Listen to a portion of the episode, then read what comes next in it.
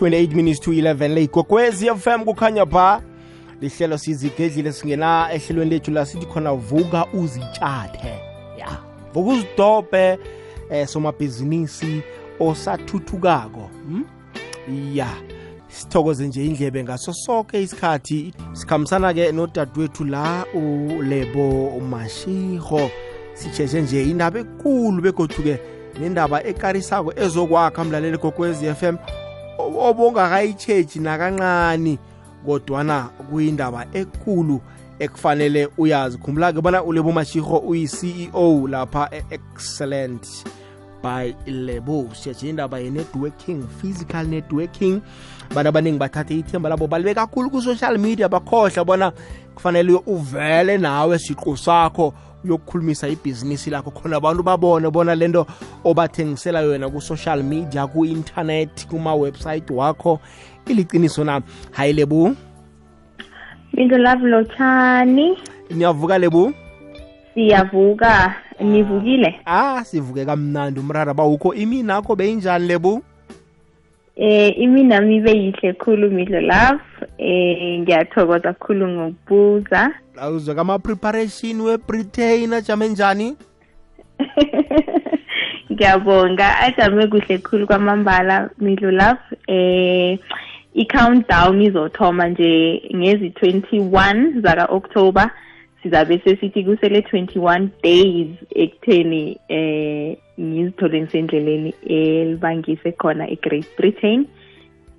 Yes. khumbuza nje umlaleli bona uyokwenzani lapho Okay, eh angilothisa abalaleli bekwekwezi FM khulukhulu behlelo sizigedlile lana sithi khona vuka uzi uzitshathe right? Iye. eh lana midlo labo ngiye ngamenywa noma nga nganominatwa igama lami laphakanyiswa kuma award wase Britain abizwa ukuthi She Inspires.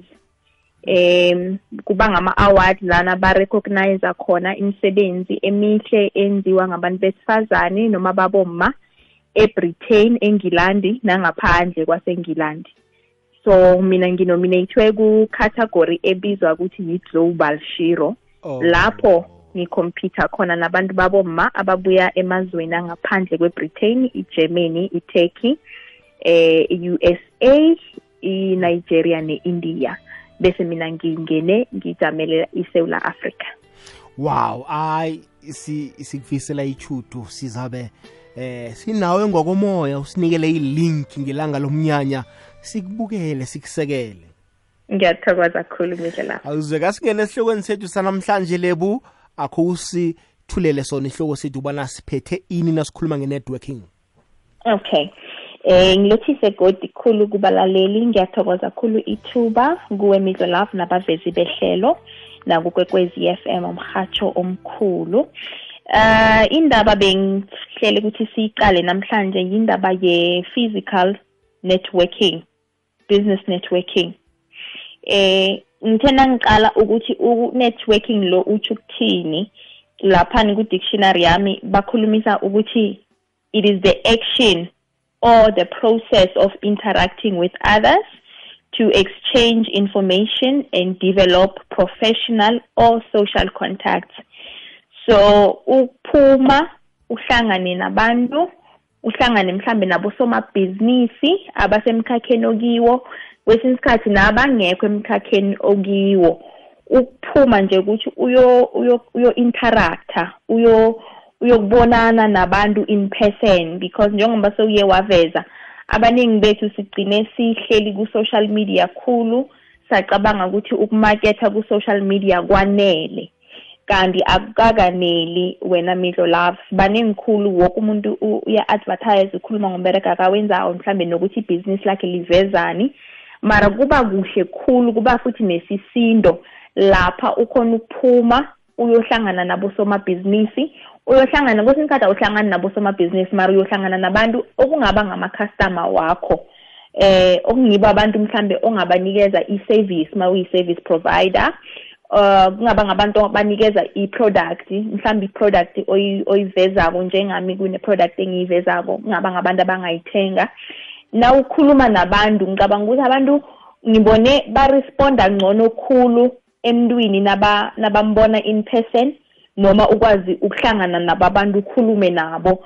Ngoba nabaphethe ibhizinisi khathi kuphela or bakubone ku-social media ukuthi ujob unebhizinisi noma unekhampani yenza lokho ah bayakukhohlwa abanye. Abanye izinto lezi ze-social media banokuthi ukuthi ayi mina into eya ku-social media ngiyithathi khulu.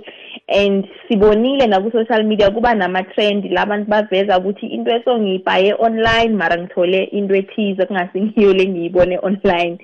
So kuba kuhle khulu kukunikeza namandla njengosomabhizinisi eh osathuthukako ukuthi uvele wakhe i-network uyohlangana nabolebo uyohlangana nabo midlo labo uyohlangana nabanye abantu mhlambe abasebhizinisini noma umkhakha owuberegelako noma abantu abokungaba ngibo actually abaconsumer i-product yakho. Kuyenzeka ukuthi kwesinye isikhathi uthi ungumuntu uthola ukuthi uproducer ukamhlanga noma uproducer ungale ngemachirini noma uveza usendaweni ethize. Mara wathola ukuthi i-product oyiphethe noma oyikhicizako ayikhonsumeki kuhle ku-environment okiyo or abantu laba ocabanga ukuthi baseduze kwakho akusingibo kuhle ukuthi abaresponda ngendlela engakhulisa ibhizinisi lakho. Kanti ibhizinisi lakho lidinga ukuthi uphume uyohlangana nabanye abosomabhizinisi noma uye kuma-spaces la kunabanye abantu engathi mhlambe ngithi ngibabize i-audience abangafuna ukuzwa istori sakho noma istori sebhizinisi lakho bese baresponda ngcono noma ngendlela ehlukile kunala wena ukhona. Eh kuyenzeka njengoba ngithile umuntu ngaba ngekwaHafontein kwaba nokuthize okuproducer kungekwaHafontein mara wathola ukuthi kuhle kuhle umphakathi odinga i-product yakho awusingekwaHafontein ngekwaHafontein bayazi ngawe ungumntwana khona ukhulele khona. Mara kwathola ukuthi akusingibo kuhle kuhle abantu abanga abangakhonsuma i-product oyiproducako noma bangadinga i-service lena okwazi ukuphana ngayo. So ukuba ku-space noma ukuberegisa amahlelo wokuthi sinetwork kubaluleke khulu. Singanetworka kuma-event angama-public event. Kwesinye isikhathi singanetwork emthadweni kubalulekile ukuthi na ungusomabhizinisi ukuhambela ama-social events because ungathi uye lapho wathola kunomuntu one-buying power noma mhlawumbe kunguye okhona ukuhlala kuma-office athatha ama-decisions. Ekutheni uh, i-procurement yenziwa ngubani bayoberegisa yiphi ikhampani ekutheni ikwazi ukuba supplier eh kubalekile ukuthi siye kuma-government events siphume siye kuma-government department siyothengisa i-product yethu noma ama-offerings wethu. Khe kwaba nomunye umama ongifonelako angitshela athi lebu ngingendaweni yangephola ngiyathengisa mara abantu abathengi. Ngambuza mina ngathi abantu wenzeni ukuthi bakhona ukwazi ukuthi uyathengisa? Omunye umuntu uzogcina selithi ngibhale ibhodi ngiyibeke ngaphandle. Mara ungangeni house to house nokungena house to house that is networking. Uthatha wena nebhizinisi lakho uyolibeka ngaphambi komuntu ongaba yi-consumer noma i-customer lakho or umuntu ongaba yi-client yakho. And kwesinye isikhathi kuyenzeka mindlo lapho ukuthi abantu okhuluma nabo njengami ungakhuluma nami ngingulebo mhlambe i'm not the person ozothenga i-product yakho mara ngingaba yi-link to umuntu okunguye onesidingo se-product yakho noma ibhizinisi lakho. So masinetworka sizozakhela amathuba ukuthi kube nabantu abasaziko nabantu abazosirekhomenda. And kuba lula njengami ngingulebo ukurekhomenda umidlo lapho sengimbonile ngimazi kulula ukuthi ngingakurekhomenda ngikurekhomendele omunye umuntu iyazwakala ngaphambi kobana sirakele phambili lebo ngifuna khe siyokuthengisa sizokubuya. Fuka ngemvuselelo nomvumo okuphakamisako ngosondo ngeyekhomba. Avulekile masango ujd uza nesifundo sabantwana. Ikonzo yekuseni. Namezwi wesibusiso wavela elizwini lenkosi. Vuseleleka namezwi wekuthaso uthandima makhemahlangu ukulethela ikonzo. Ivangeli nomvumo usekhaya. Lihlelo nginomelusi ngesimbi yethoba ekuseni ngeyechumi umfundisi umadzela akwakhe nakathi sikhathi sokwazi iqiniso. Ikwekwezi fm kukhanya ba. Ujd nolady b nabahlangeneko madiski divas bafika kuwe ngomgqibelo ngesimbi yesithathu bazithezile zemidlalo. Ingoma ezimnandi namaxoxo azokuthabisa. Zitheziwe namadiski divas kukwekwecfm kukhanya bo nambalale igogwezi fm kukhanya ba. Ichumi nemzuzu ebunane ngaphambi kobana kubethe isimbi yechumi nanye. Sijivuka vuka uzitshathi la somabhizinisi osathuthukako siyakuhlomisa bona uthi nawe solithoma ibhizinisi lakho ulithome nje nge-high note. Ya ulithome sowunelwazi. Sikhulumisa indaba yokuqakatheka nje kwe-networking ikhambisana nolebo umashiho namhlanje. Uh, kwesinye isikhathi lebo ukunetworka kuyasiza ngoba uthi mhlambe une-challenge ethize obowuhlezi wedwa ekhoneni apha. Ngokunetworka nolebu ku-workshop ethize thola ukuthi ulebu udlulile ku-challenge leyo sekazi nokuthi isolvwa njani i-challenge leyo? Exactly idlolava kubaluleke khulu. Yazi ebhizinisini kunama kunama mistakes akhona esingawenza. Mara kunama mistakes god ongawa avoida ngokuba kuspace sokuthi uhlangane nabanye abantu uzwe iy'ntori zabo. And also nawe ukwazi ukushare istori sakho ungakhuthaza abanye abantu. Into egodi ebalulekile yazi uh, singabosomabhizinisi abasesebancane noma abasaberegele ekutheni bavelele. Into enye esifanele siyazi siyilemuke ukuthi Mikho lapho kwesinye isikhathi before abantu beza bazothenga i-product noma beze ebhizinisini lakho kuhle kuhle bathenga wena njengo umsunguli noma umlawuli webhizinisi elithize noma i-owner ye-product ethize. Abantu bathenga wena abantu bathenga i-reputation abantu bathenga i-image bathenga umidlo love. Kwesinye isikhathi sibaningi eh ngivamse ngifanise ngithi singahlala endleleni sibe yi-four sibe yi-five noma ten. Soke sithengisa ama-product afana or sithengisa itamati or sithengisa whatever siyithengisako. Abantu kithi soke sikhona kube nomuntu othize abaprefera ukuya kuye. Not because i-product yakhe i-superior iphala ama-product wethu. Mara kuba ne-story behind i-product.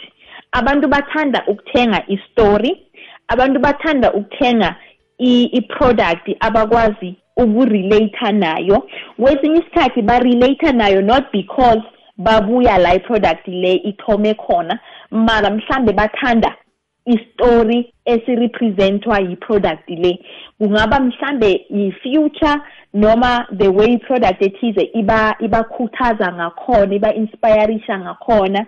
Eh kunama-product or ama-brand esiwaziko engeke ngiwabize ngamagama kwesinye isikhathi ngingulebo ngihleli la. Isikhwama sami akakavumi ukuthi ngingakwazi ukuyi-afford i-brand ethize. Mara ngine-hope yokuthi mdele ngibereke nzima empilweni nami ngikwazi ukuzithola ngi-associate ne-brand leyo. So ukunetworka kubalulekile eh Midlo Love. Eh kuyokunikeza ithuba lokuthi uzakhe nokuthi uziveze nokuthengisa ibhizinisi lakho because abantu really ba-identifya ne-story ba-identifya kunamandla wokuthi ukwazi ukukhuluma istori sakho. Kunamandla na ukwazi ukutshela abantu ukuthi mina ngingulebo ngithome endaweni ethize ngithengisa ibrand ethize or ngithengisa iproduct eliso ngenxa yalokhu nalokhu nalokhu. Bese abantu baya baya-relata um someone uke waposta or i've seen abantu abaningi bayikhuluma indaba yokuthi abaningi abantu banokutshela ukuthi isebenza nzima. Mara bantshela ukuthi bona iminyango bayivulelwe ngubani. Kunala sizovula iminyango khona ngoba sibereke nzima. Mara namatafula esizokhona ukufika kiwo si-influence ngoba kunomuntu okwaziyo ohlala etafuleni lelo. Uzokwazi ukuthi akwenzele i-room because they believe kuwe also they believe kumandla we-product noma i-brand oyiphetheko. Mara kuzokuthi ufike etafuleni lelo udinga kube nomuntu okwaziko. Umuntu lo omaziko noma okwaziko uyohlangana nawe ku-space se-networking ku-space la ungafika khona ufike uzithengise ukuthi ngingulebo mashiho ngidila nge-product ethize ngenza lokhu nalokhu. So kunamandla kakhulu ukuthi sinetworke. Amabhizinisi wethu asiwathengisi kuphela nge-social media noma ukubhala amabhodi siwabeke ngaphandle kwamagate. Siwathengisa kodwa nangokuthi kube nesikhathi esizipha sona siphume siyohlangana nabanye abantu abacabanga njengathi noma abafisa nabo ukuthi bafike ezingeni elithize lempilo um so ukunetwork akubalekile kakhulu angazi ukuthi singaku-emphasize njani ukuthi abalaleli bakhone ukuyithatha serious. But also sifanele siqale nama-platforms esinetworka kiwo eh wena middle love. Mhlambe if ungangivumela khe ngenze i-example mina ngiku-agriculture iye.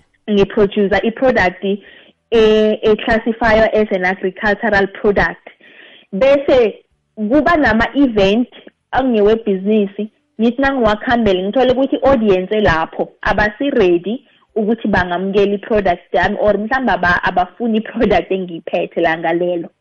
But ngiye ngaba encouraged kukhulu nangizaze ngiye kupro- ku- ku-project noma ku-event ebeyibizwe yi-department ye-agriculture provincini yempumalanga ebeyibanjelwe kamhlanga.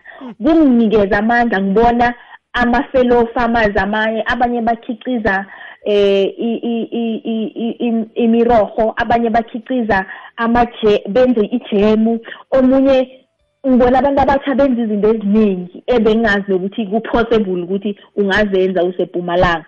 So lokho kunginikeza amandla kwangikhuthaza. Mara godi kungivulele ithuba lokuthi umuntu ose-emelo onesidingo se-product yami kunomuntu ose-emelo already osekayi-point of contact yami.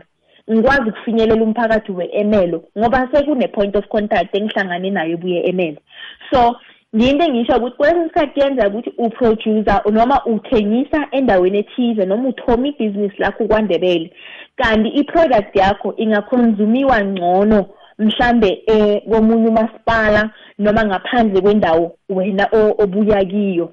So kubalulekile ukuthi siphume sinetwork sikhulume ngoba kungenzeka ukuthi ukuze kuyofikenyelela mhlambe imalahleni or abanye bomasipala kunomuntu oyi-point of contact ozomthola ngama-sessions ukuthi uphume unetwork sinetworka yonke indawo sinetwork ematekisini sinetwork emagaraji si- sinetworka la kunomuntu khona.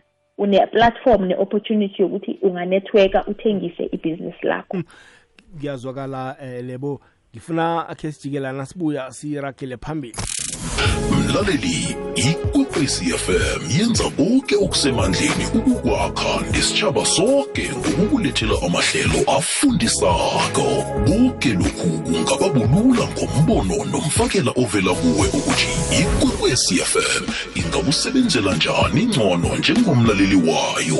Sitholela ngeposomoya ethi info at ikwekwecfm co za namkha enkundleni zethu zokuthintana zomrhatsho ikwekwecfm kukhanya ba nambala le ikwekwezi fm kukhanya ba sakile phambili balithoba imizuzu ngaphambi kobana kubethe isimbi yechumi nanye sikhambisana nolebo mashiho sikhuluma ngendaba ye-networking khulukhulu sijetshela i-physical networking. Uh, asifuni ukukhuluma sisodwa mlaleli kokwezi fm asikumeme nawe ku-079 413 uthumele i-whatsapp voice note yakho 079 413 2172 ngewhatsapp leyo. Eh, ilayini lethu lokudosa umtato ku-086 000 3278 086 000 3278 okay ngiyabona ngathi ulebo ungilahlekele ungilahlekele lebo ngiza kuhamba khe ngiyomcala sibone ukuthi siyamfunyana na khumbula bona zinkathi izabo load shedding. Kodwana-ke ngiza kubuya naye ngokwe ekhabo lakho. Imini yaphakathi kweveke ingaba yide kodwana angekhe walizwa ubudenge kwekwecfm khona isiphaphamtshini sesivukile breakfast show ngu-arvuna busayi notando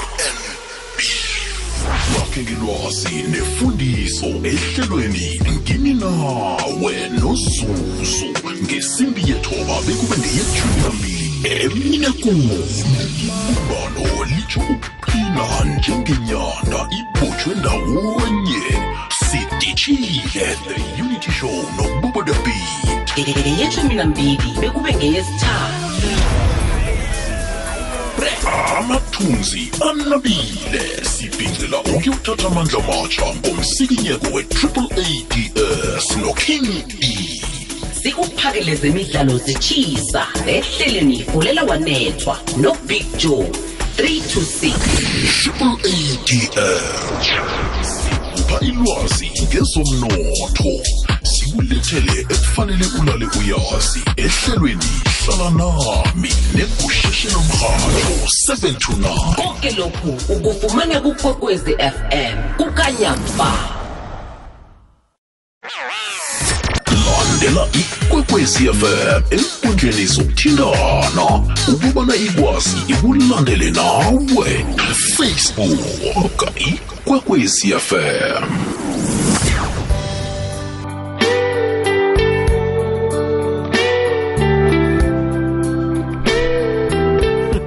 ya nomlaleli kokwezi FM ngiyabona la ngathi nginomraro nje othize. Ngizama ukumthola udadewethu abe angisamtholi ngifuna khe ngidlale ingoma. Mhlambe eh, siza kubuya naye akwazi ukusongela indaba emnandi nakangaka. Feminist 11 le ikwekwezi FM khanya bas ndivuka uzitshathi la ngimtholile ulebu mashiho lebo usesekhona sitsho ngisesekhona. Kawuzeke inamala itechnology sizoyihlula ngifuna ukuthi ngaphambi kobana sivale indaba yethu kunemibuzo la ekhona evela kumlaleli kokwez FM akhe simuze ubona uthini sikwazi kumphandlulula. Simphe ithuba. Mindlolo Vlotshani okhuluma lo ngumqolisi i-technician. Nginzinze ngapha ngekuruleni ekhaya kwaNdrebe lapho. Ngiba ngibuzele kule bumashiko ukuthi ukhuthazwa yini ulebu? Endre angathini abantwana abatsha abangaberekhiwe abaphethe izicu bahlele emakhaya. Because lebu siyambona ngama-weekends la abantu abatsha babhizi khona khulu ngabomgcibelo. Siyambona abhizi mamola athengisa anedweka. Siyambona ulebo mashiko ngabosondro asemamall asendaweni ehlukahlukeneyo kwanetwork enza ibhizinisi yakhe. La abantu abatsha khona bagcwele kuma-sunday soul session so ngihalela ukwazi ukuthi ulebu mashiko ukhuthazwa yini begodwa angathini abantwana abatsha laba abangafuni ukubereka bathi bona baphethe izicu mhlambe abanye mhlambe bathi ba- ba- bakwazi ukukhuluma isikhuwa. Asemphendule lebu umxolisi. Ngike ngakubuza nami umbuzo ubeka under pressure. Um ubuza imibuzo mhlambe A2 ukuthi ku- ngikhuthazwa yini? Ngicabanga ukuthi midlo love lo ngumbuzo umbuzo lo une- unempendulo ezi-different but ngikhuthazwa ukuthi nginebhudango and nginebhudango ibhudango lami liyabiza li li very expensive and angikwazi ukuhlala nje ngintele ngisebenze. Uthe uMahatma Gandhi uba iba ngumehluko ofuna ukubona emphakathini. Kunomehluko engifuna ukubona empilweni yami nasempilweni yesizukulu isizukulwane sami isizukulu nesizukulwane sami. So umehluko loyo mdele u- kube ngimi umuntu wokuthoma owulethako. Em bese kubantu abatsha mhlawumbe abanezicu naba nokungabantu abatsha ababhizi ngezinye izinto. Eh, mina ngithanda ukukhuthaza abantu abatsha ngibatshele ukuthi asibeni ngumehluko lesifuna ukuwubona. Akunamuntu oyoza abuya la abuya khona. Azo azotshintsha impilo zethu noma asinikeze lokho esikufunako. Um uthi uBarack Obama we are the ones we've been waiting for. Abantu laba esibalindile ukuthi bazoza bazotshintsha impilo zethu noma bazoletha ituthuko emphakathini yethu. Ngithi abantu abo silinde thina. So nasihleli phasi kusho ukuthi sisazohlala. Ngoba abantu esibalindile basahleli phasi. Mara-ke sa- sazi ukuthi abantu laba esibalindile ukuthi balethe ituthuko bazophucula impilo zethu kungithi abantu abo siyokusikima bese siyagijima. So kubantu abathi ngasho njalo and sonke mani sinamandla wokuthi singaba ngiyo yoke into esifuna ukuba ngiyo.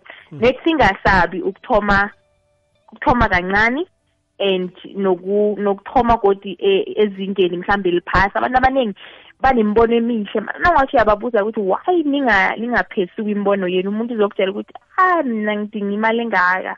Eh mina ngidinga ukuthi lokhu kulunge. Eh mina ngidinga kuba nekoloyi.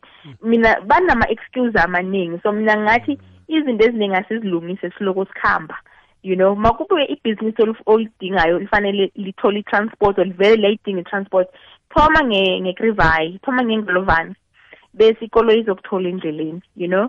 So ngikho lokho engingakutsho kubantu abatsha ukuthi sonke sinalo i- ithalenti kukhona uzima akasinikeze kona. And ma uye esikolweni bonus you know? Makube uyile esikolweni wa- waba nezicu ungcono khulu kunolebo mashego U- ungathoma i- i- into oyithomako ngoba sowunolwazi o- eli- eliphambili khulu. I- i- iyazwakala lebo O- okhunye nje sikhuthaze nalaba mhlambe abazange babe nethuba mhlambe lokuya esikolweni ngenxa yemali into ezifana nalezo sekunama-youtube lebo amalanga la isikile esiningi uyangena kwi-internet ubukela amavidiyo e-youtube U- lithi lithinga nje ilanga uzithole kube sowufunde esinye nentweni iskill. etsha Iye. oyifundileyo Mm, mm, mm, mm. Liqiniso elikhulu lelo ngingene kubhizinisi ye-poultry Mm. ngingenalo ulwazi bokungananomuntu oseduze kwami. Mm. ngifunde yonke into ngokulandelela ku-youtube ukuqala ukuthi ini not leli la namhlanje sisafunda. Mm. siyaphuma siyobuza kwabanye abantu. Abantu sebeza kithi babuza kithi. Ngihlala ngibatshela abantu ngithi before mina ngizokutshela ukuthi yenzani ubuyaphi ku-youtube uberegisa i-internet ukwenzani? Mm. idatha na unedatha wenzani ngedatha Mm. kunama-course amaningi a-free a-online. Mm. into engiyikhulumako nge-networking today abantu bangaya ku-online bayofunda ama-course a-free nge-online nje kuphela i mean ngene- nge-networking online. Ama-course angadingi nokuthi ubhadale ukuthi wa-accesse. So siphile esikhathini esinamandla khulu. La sine sine-access to i-network sine-access to i- i-internet singayiberegisa ukuthuthukisa impilo zethu ngendlela eyisimangaliso and cala sibone abantu abaningi abafana nabo umthandazo amaphupho abo noma amabhudango bebanawo bawafeze ngokuthi abantu banama-tiktok account. So qala ukuthi wena kuhle kuhle into oyifunako iyini bese nokuthi ukufika kiyo miko lapho ungaberegisa i-internet njani. Nawe kube une une-talent lokucula cula ubeke i- i- i- umbereko wakho digitally bakubona abantu abakude. Ma kube umbereko wakho ufuna kunento ofuna ukuyithoma or ibhizinisi or kuna something ofuna ukuyiproducer ufuna ukupheka ufuna ukwenzani? Ama-course akhona online baningi abantu aba- abanikezana kodwa nangama-course ongaba-contact ufunde kibo uqale lokhu abakuthiyako ku- ku- ku-youtube so ayi i-excuse yona asinayo rehe Mm. ngizama ukuvala i-excuse yokuthi umuntu athi hayi mina angikayi e-university namkha e-university of technology asebenzise lokho njenge-excuse mm akuna-excuse bakwethu. Ayikho Eh, baba. uyafunda. I- ilwazi lisezandleni zethu. Abantu bahlale banalo idatha kodwa nakuya ngokuthi idatha lakhweli ulisebenzisela ini ulisebenzisa njani? Ungalisebenziseli ukusocialize nabangani nje kwaphela. Khe likusebenzele mbana uvuke ebusuku nakunedatha night shift yedatha uvuke ungene ku-youtube ufunde ufunde. Kuzokuthi kuse kubeni sowufunde something. And angazi ukuthi ngingakutsho lokhu before uvala. Khe ngidlulise lokhu ngaphandle kokuthi sizwise abantu ubuhlungu or ku-offend abantu. Mm. Imbatho esizimbathako na ungathi abaningi ba- bethu uyaqala. I- izembatho ezi- ezibiza khulu middle love si siyadura sibabantu sisodwa nje. Ifood zethu ziyadura. Inzipho zethu. Yonke into ngathi yabiza ngicabanga ukuthi abantu nasinga- nasingazibuza ukuthi kuhle kuhle in two years from now ngifuna ukuzithola ngikuphi. Some of that money siyithathe si- si- sithoma amabhizinisi. Kunezinto eziningi esingakwazi ukuzi-achieve um ngemali ezincane. Ngihlala ngitshela abantu ngithi mina ibhizinisi ngiyithome nge-three hundred and fifty.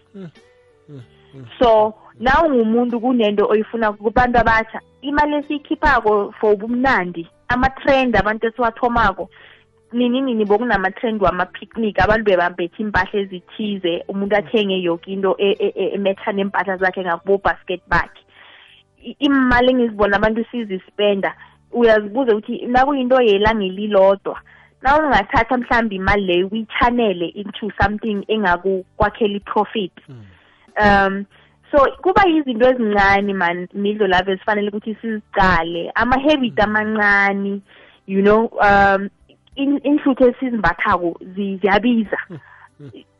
Kuningi esingaku- esingakwenza kunengikhulu esingakwenza o esingakwenza ngemali encane bese siyakukhulisa. Angithi ku-wrong. Ukufuna ukuba muhle nani.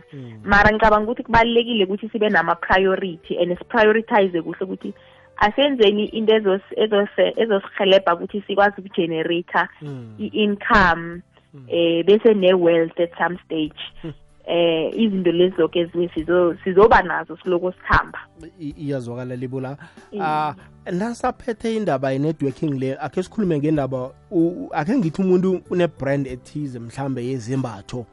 Eh. umuntu nakaya ku-networking umbatha ibrand akho leyo ngizoyimbatha njani mina ibrand oyithengisako wena ungayimbathi? Sho ukuthi nawe ukholelwa kubrand yakho.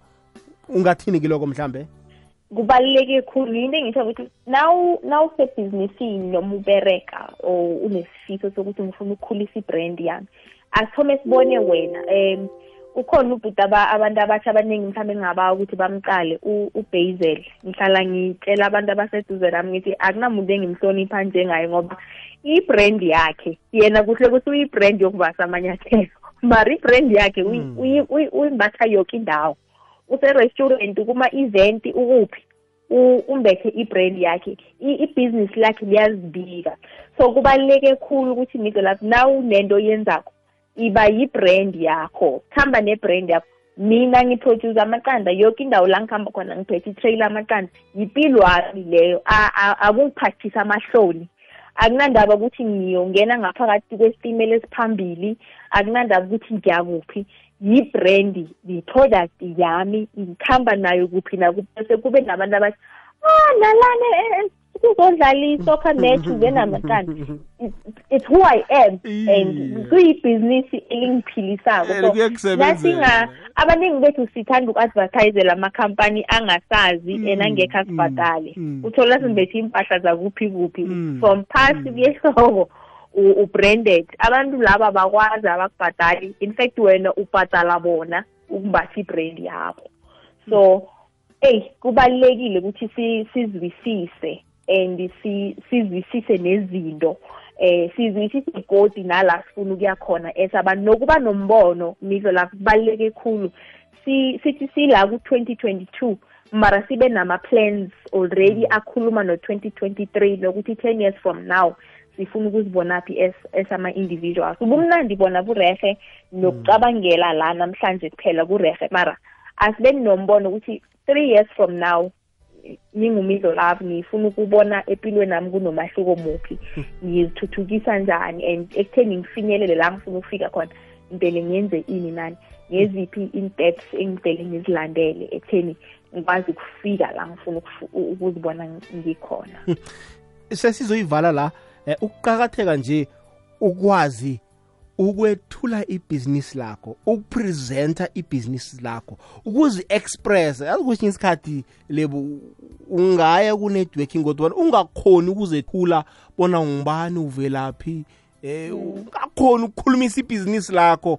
Ngicabanga ukuthi nakhona i-presentation le kulikhono kuskill umuntu angazifundisa eh sona.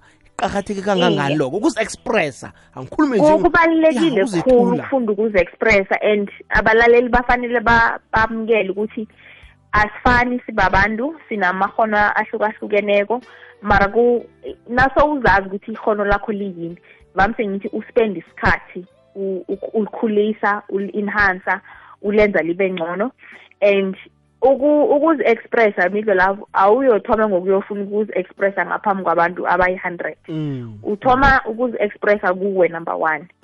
Bese naw sewuzi-expresse kuwe u-comfortable nawe. Uyafuna i-audience yabantu ababili uzi-expressa kibo.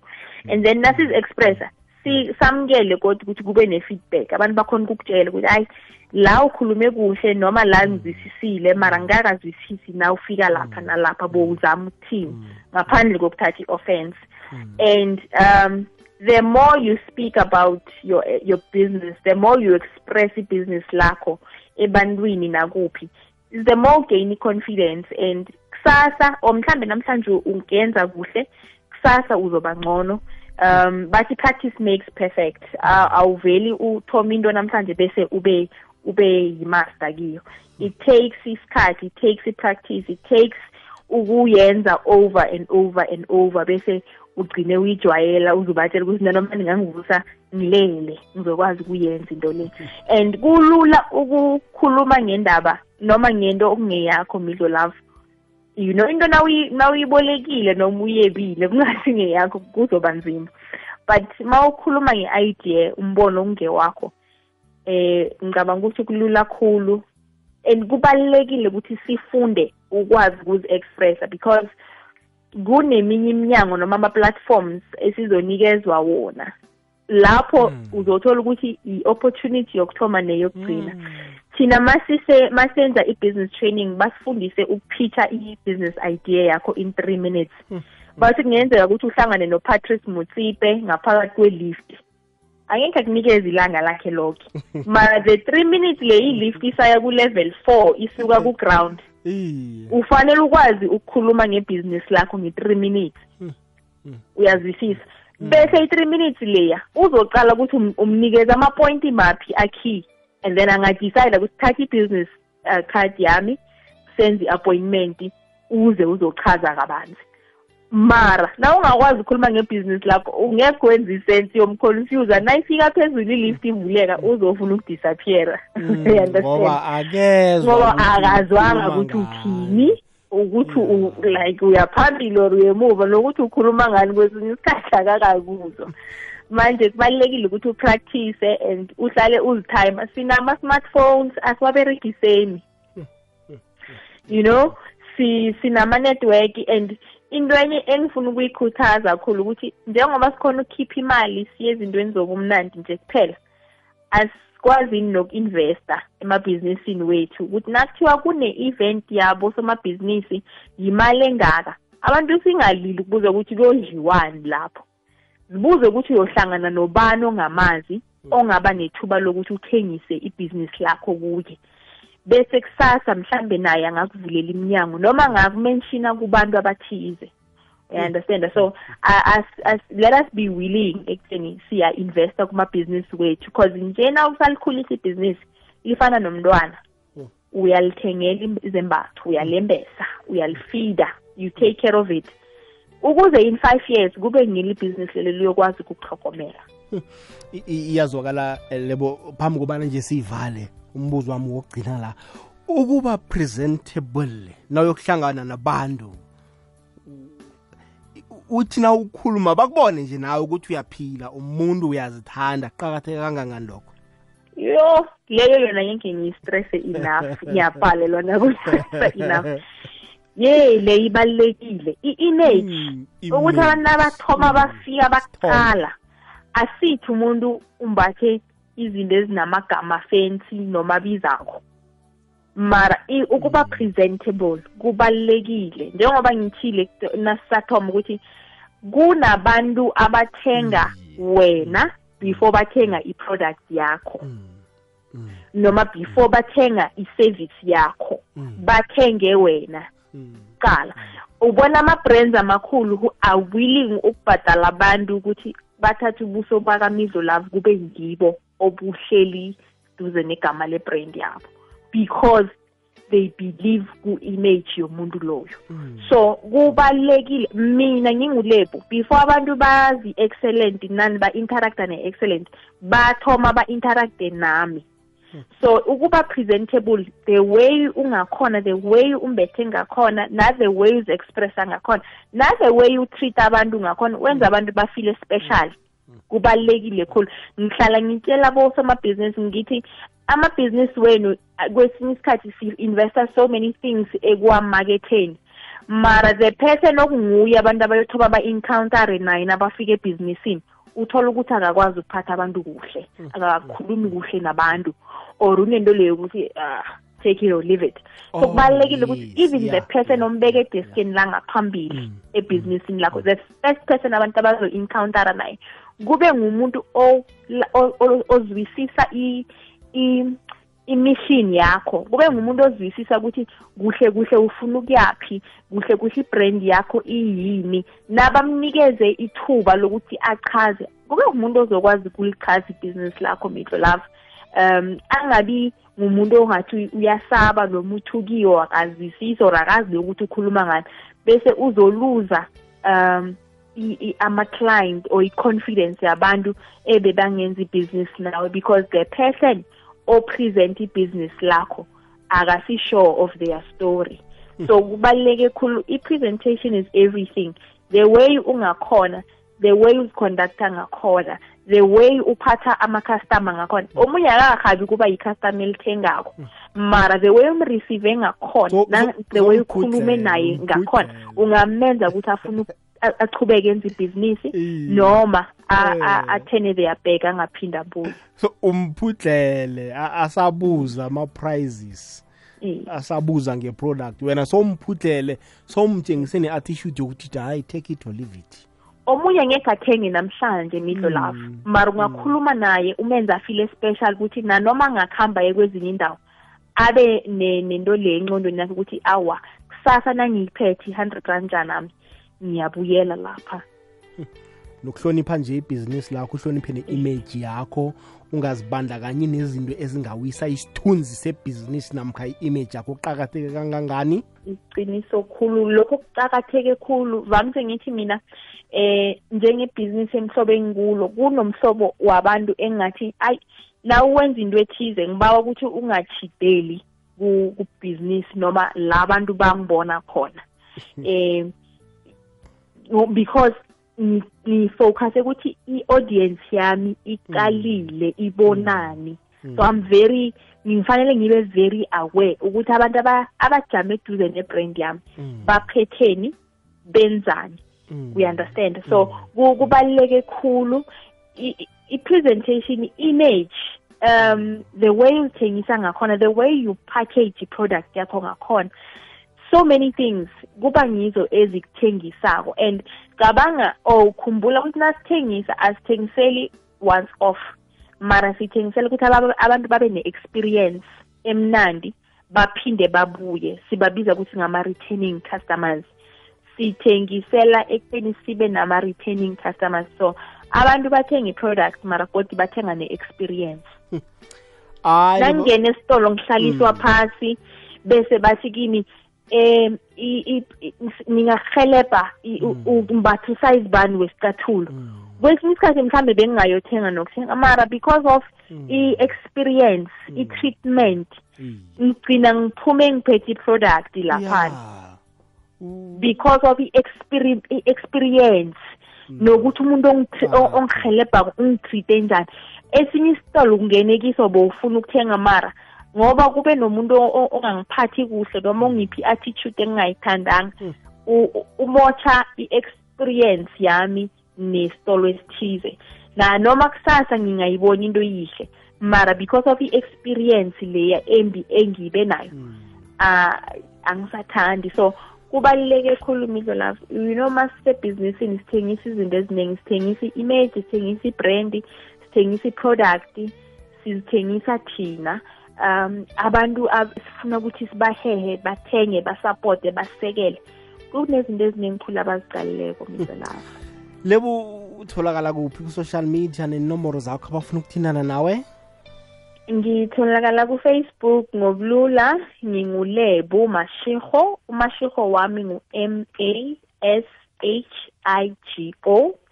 Na ungasakhona ukumthumela i-friend request ungaklika u-follow button ngithanda ukuthi kubantu and abantu ngiyacabanga sebayakwazi lokhu ngami. Ngingumuntu othanda ukuconnecta abantu kuma-opportunity. Ma kunama-opportunity ngiyawashera ungaya ku-social media uh, pages zami ukuchecka ukuthi ngipostani ngithanda ukukhuthaza khulu abantu. Ngithanda ukushare isitori sami.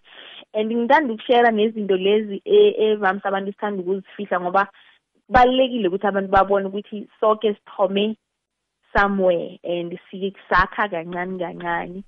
Eh ku Twitter bangangilandela ku I am lebo u I am ngu at I am ngu I ngu A M ulebu wami underscore. So it's I am lebu underscore. Ku LinkedIn ngingulebu hang mashiho bangangithola lapho.